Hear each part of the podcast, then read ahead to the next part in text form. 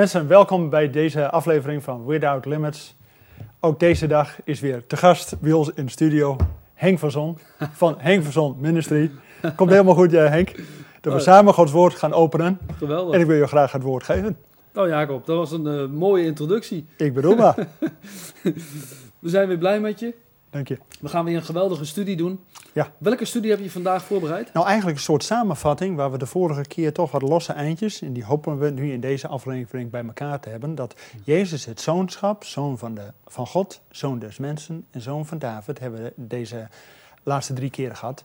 Maar er zit nog een aantal elementen in waarin Jezus ook de profeet, de priester en de koning is. Ook een soort drie-eenheid. Ja, in wezen een drie manschap, een drie eenheid, een drie een bedieningsdrietal. He, dat Jezus profetisch is, dat hebben we vorige keer al gezien, dat hij de zoon van David is. En David profeteerde dat de Heer zegt tot mijn Heer, zet u aan mijn rechterhand, totdat de vijanden als een voetbank voor uw voeten zijn gesteld. Ja. En ook het ganse huis van Israël moet weten dat God deze Jezus die gij gekruisigd hebt, gesteld hebt tot een Heer en tot een Messias.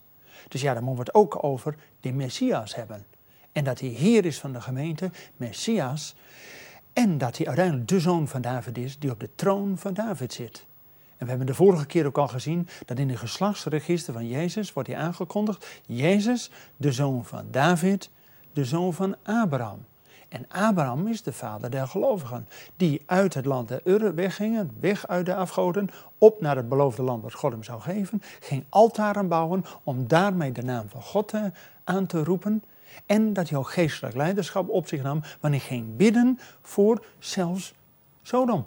Dat er rechtvaardigen mochten zijn, een tiental, want tien is in de Bijbel een minjan, een gemeente, zodat er een gemeente is, zodat daardoor de stad niet verwoest gaat worden, maar dat er licht is, doordat er een gemeente is die het licht ook mag zijn voor die stad. Ja, ja. Dus Abraham nam zijn geest voor de gemeentes van vandaag natuurlijk. Tuurlijk, tuurlijk. Want alles wat opgeschreven is in het Oude Testament, zegt 1 Korinthe 10, alles is opgeschreven van Israël, ons tot voorbeeld. Zodat wij geen lust tot het kwade zouden hebben. Dus we hebben ook een ja, grote verantwoordelijkheid. Als we dit allemaal weten, dat we daar niet maar doen van, nou ja, het zal wel, het boek dicht en we gaan over tot de orde van de dag. Nee, dat we geen lust tot het kwade hebben. Ja. Want vaak ons hart is zo arglistig, dat we toch snel weer onze eigen wegen, en in ieder geval van de weg van God af dreigt te gaan. Daarom worden we iedere keer weer opgeroepen af te leggen het oude Ja. en het nieuwe, dat Jezus voor ons de weg gaat banen. Maar dat is een keuze.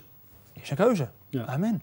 Maar we hadden vorige keer al dat zelfs de kinderen die gingen zingen, Hosanna, de zoon van David. En er was een volk, een schare die voor hem uittrok en een club die achter hem aanging. Dus als we nou voorop lopen of achter Jezus aanlopen, dat we maar één ding proclameren, Hosanna, want hij die komt, komt spoedig. Ja. Gezegend hij die komt. Maar dan moeten we natuurlijk wel weten wie die hij is. Ja. En dus hebben we deze drie afleveringen al gehad, dat Jezus het zoonschap, de identiteit van de Vader laat zien, de werkelijke zoon des mensen is, die op de troon zit, en de zoon van David, degene is die het verbond van David, want er zijn in de Bijbel vier verbonden, één van Abraham, één van Mozes, één van Jezus, het nieuwe verbond in mijn bloed. En het verbond van David, dat is nog profetisch voor de toekomst. Ja. Want eenmaal zal Jezus zitten op de troon van David. Dat gaat nog gebeuren. Dat gaat nog gebeuren, maar daar willen we het over hebben. En dus zagen we ook al vorige keer dat Jezus profeet is. En in zijn hele bediening naar Jeruzalem toe moest hij natuurlijk doen wat die grote profeten Elia en Elisa al gedaan hadden. Nou, die hadden zelfs mensen uit de dood doen opwekken. Nou, Jezus deed niet anders. De dochtertje van Aien, de jongeling, eh, eh, dochtertje van Jairus, jongeling van Aien. En uiteindelijk vlak voor Jeruzalem, dat hij eh, Lazarus, zijn vriend, uit de dood. En wat ik bijzonder vind, hè, dat, dat eh, Lazarus op de vierde dag werd opgewekt. Ja. Hè, maar dat heeft natuurlijk een hele specifieke Ja, reden. de vierde, het getal vier, de Hebreeuwse letter die ook een getal vier uitdrukt, de dalet, is de deur. En Jezus is natuurlijk de deur tot de Vader, dat hij ook de deur van het dodenrijk heeft overwonnen, van hij heeft de sleutel van het dodenrijk. En daarmee de dodenrijk volledig tot in de kern geraakt, dat hij iemand die al vier dagen daar achter slot en grendel zat, heeft Jezus de weg gebaand Ja. tot de Vader. Ja. En ze geloofden toen die tijd dat pas na drie dagen eh, de geest het lichaam zou verlaten. Ja. En dus heeft Jezus gewacht tot de vierde dag Ja. als het bewijs Ja. dat, hij, dat er echt iemand die dood was, dat hij die weer opgewekt heeft. Dat is toch heel bijzonder. Ja, want we hebben ook eh, de vorige keer al gezien dat Jezus is Heer tot eer van God de Vader, zodat aan alle mensen in de hemel en de getuigen op de aarde en zelfs onder de aarde, dat ze weten dat God Jezus uit de dood heeft opgewekt en dat wij proclameren, Jezus is Heer tot eer van God de Vader. Dus als je nou in de hemel of op de aarde of onder de aarde bent, je moet weten dat Jezus is Heer. En dus ging Jezus ook diegene die morgens dood was, Lazarus, Ja. Ging je opwekken. Ja. En Lazarus betekent Eleazar, God hoort. Ja. Maar vaak wel door de diepte heen. En daarom wil wij, God ook dat wij horen. En dat we onszelf afleggen. En daarom ging Jezus, hebben we vorige keer gezien, dat hij de zoon des mensen is. Die tekst uit Philometus 2. Dat hij de gehoorzaamheid geleerd heeft door hetgeen wat hij heeft geleerd. En je moet het ook willen. Niet mijn wil, maar uw wil, zegt Jezus. Nou, en in het verlengde van de vorige keer hebben we gezien dat Jezus ook in navolging van die profeet, profeet David, is ook Jezus de profeet. En als Filippus tot Nathanael komt en zegt, dit is waarlijk de profeet die Israël zou zien. Ja. En Jezus gaat verder. In zijn bediening was hij priesterlijk. Verzoening. Natuurlijk uiteindelijk aan het kruis.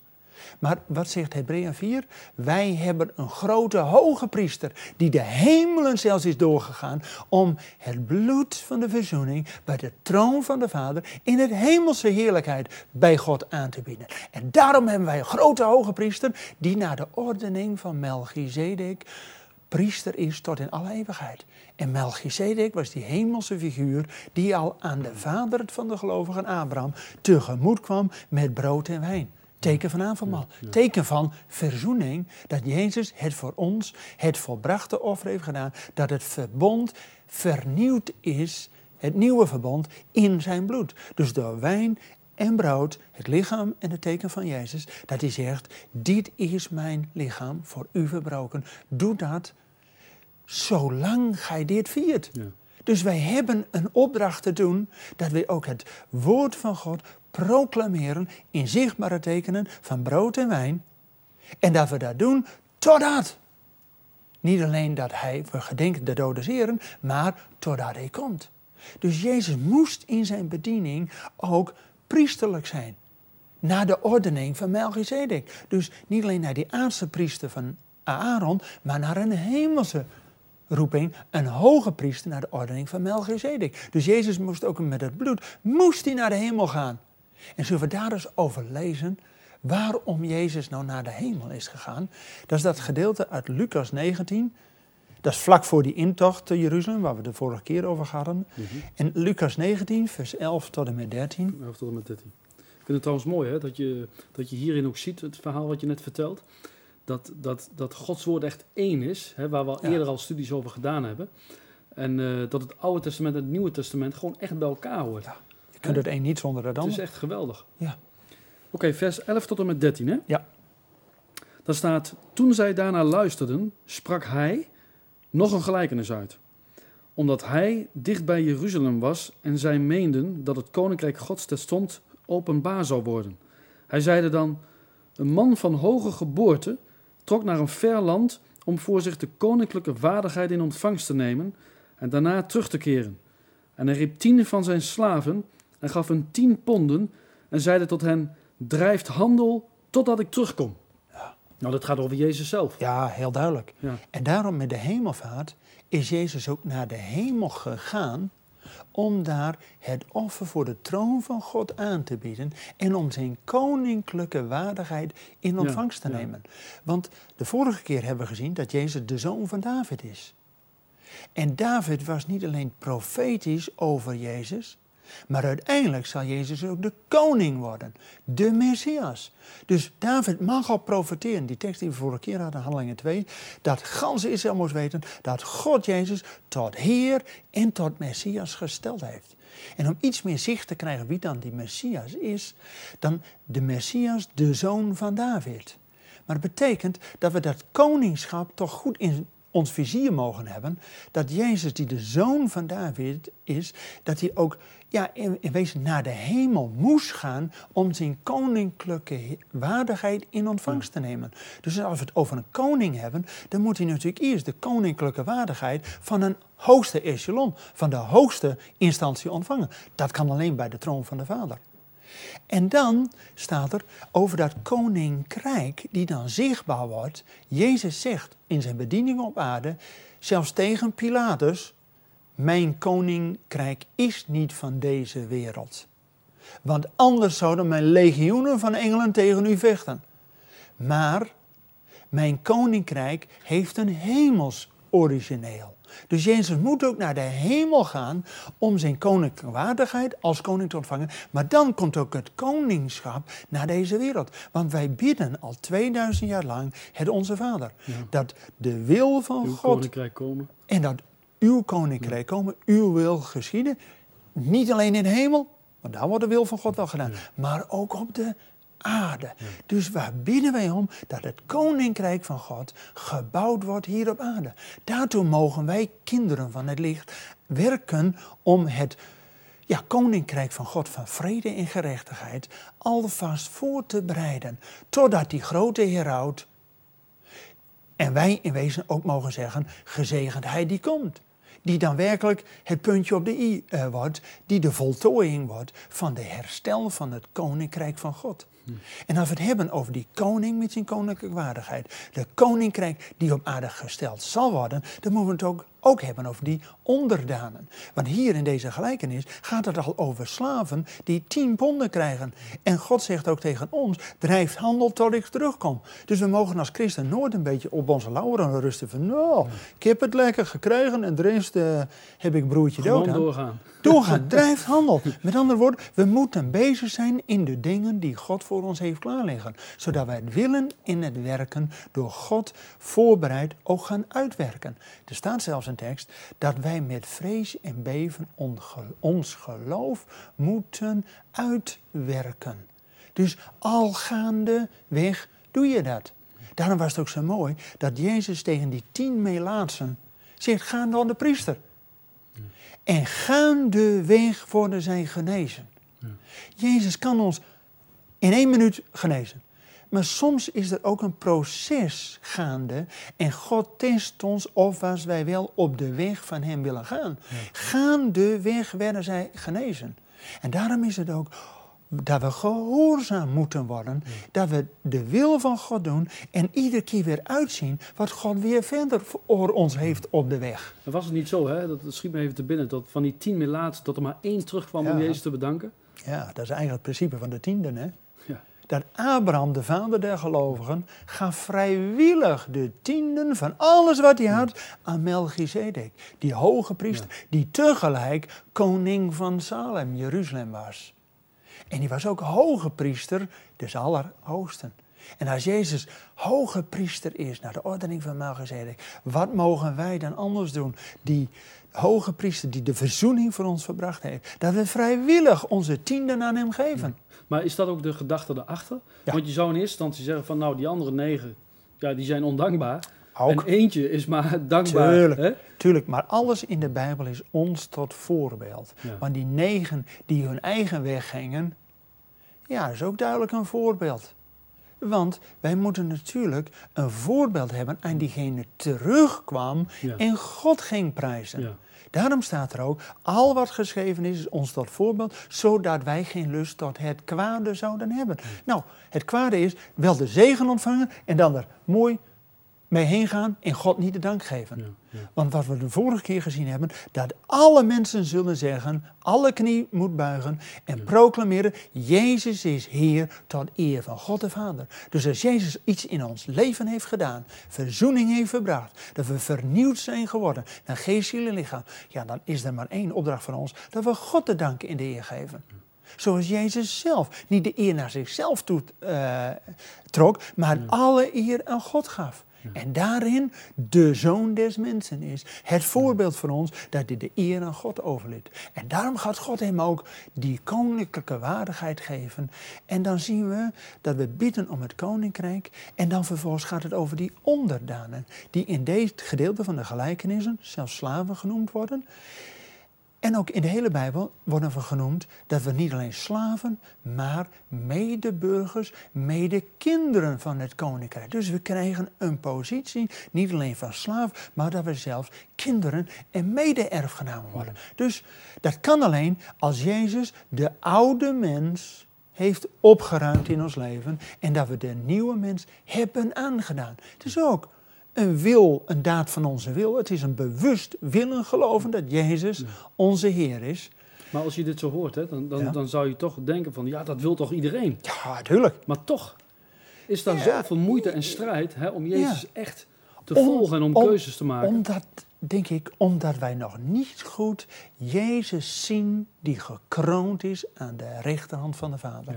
Want Stefanus, hebben we vorige keer gezien, die werd door zijn omstanders belaagd, zelfs gestenigd. Dus die, we zouden zeggen, die gaan onder de omstandigheden teloor. Maar hij richtte zijn oog op de overwinning, want hij zag Jezus gekroond, Ja. de zoon des mensen. Eigenlijk zouden we eh, openbaring goed moeten bestuderen. Want Ja. daar zien we eigenlijk pas wie Jezus werkelijk is. Ja. Ik ben ooit eens in een eh, stadion, voetbalstadion geweest met een aantal familieleden. En dan, eh nou, de hele stadion die eh joelt natuurlijk voor zijn eigen elftal. En toen dacht ik, ja, hoe kan dat nou dat iedere week weer zoveel miljoenen naar het voetbal gaan? Ja. Toen dacht ik, ja, die tegenstander, waar natuurlijk maar een beperkt aantal mensen supporters van mogen zijn, want de club is natuurlijk voor een eigen club. Toen dacht ik, ja, die tegenstander wordt niet goed in het vizier gedaan in de kerk.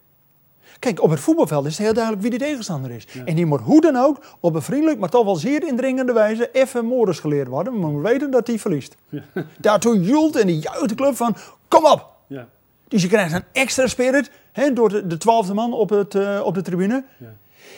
En wij in de kerk, wij laten die tegenstander soms niet goed zien. Wij hebben hem eigenlijk via de achterdeur uit de kerk laten verdwijnen. En dat is ook goed, maar we moeten wel weten wie Jezus is. Dat hij de overwinnaar is, ook over de dood en de machten van de dodenrijk. Want die wil ons iedere keer weer belagen. En die verleidingen zijn er iedere keer, zodat we weer onder de omstandigheden gebukt gaan. Ja.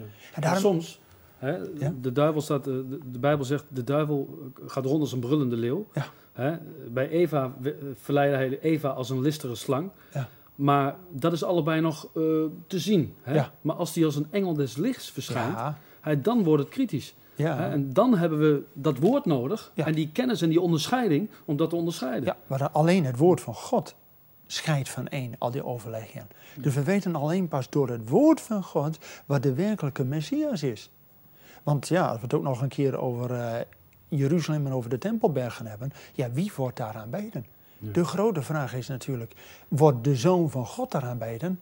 Of gaat er allerlei andere dingen die daar eh, hun heerschappij en hun naam willen vestigen? En je- God zegt, ook al voelen die volkeren, Psalm 2, hij die in de hemel troont, die lacht erom. Want hij heeft zijn gezalfde, zijn Messias gesteld over zijn heilige berg. Dus eigenlijk kunnen we ook niet eindigen met ook meer te zien wie Jezus is, die gezalfde, die Messias, die komt om te tronen op de troon van zijn vader David.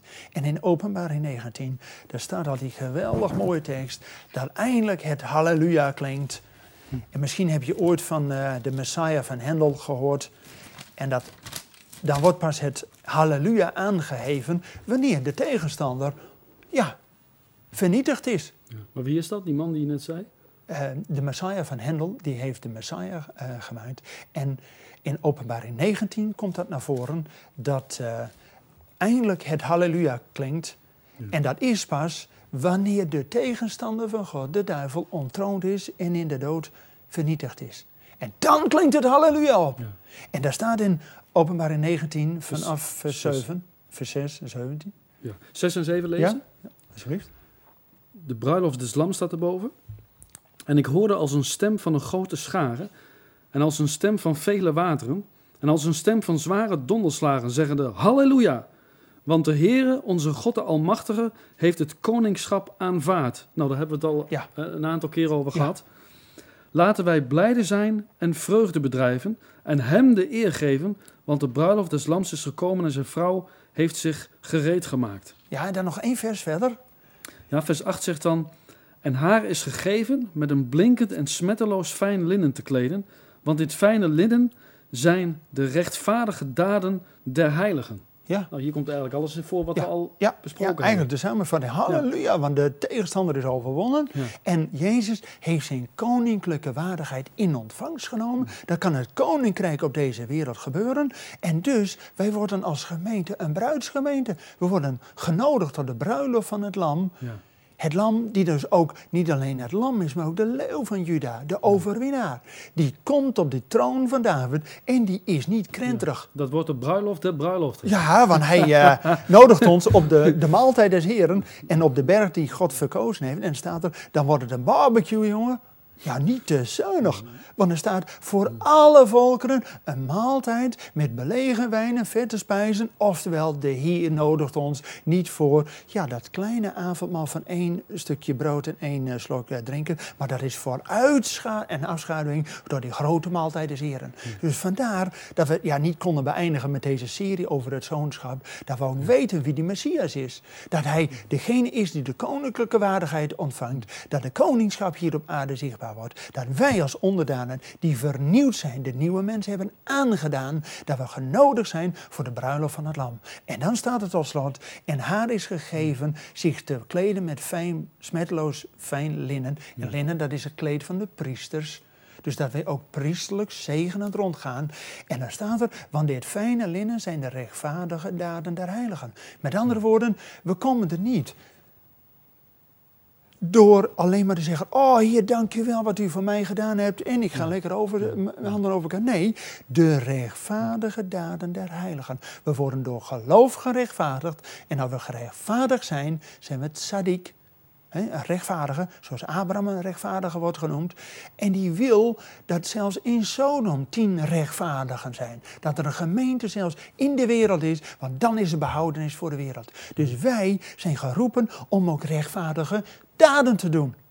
Als geheiligden door het woord van God en de kracht van ons getuigenis. Dat Jezus degene is die zijn werk op aarde gedaan heeft. Naar de Vader is gegaan om zijn hemelse heerlijkheid in ontvangst te nemen. En binnenkort, spoedig, komt om ook koning over deze ganse wereld te worden. En daartoe wil hij ons oproepen om gereed te zijn voor die koninklijke waardigheid en de bruiloft van het lam. Nou, als je daar niet enthousiast van En wordt. dan is het hele plaatje weer rond. Ja, amen. En dan zien we dat Gods woord één is. Kijk, en dan willen we volgende keer ook met name, als we deze serie over Jezus in die zin toch nou, tijdelijk afronden, Ja. dat we dan ook doorgaan en wat zegt er nou voor ons? Dat Jezus gekomen is om ook in ons in die geestelijke vernieuwing te brengen, met uitzicht dat we de heerlijkheid van God mogen weerspiegelen. Ja.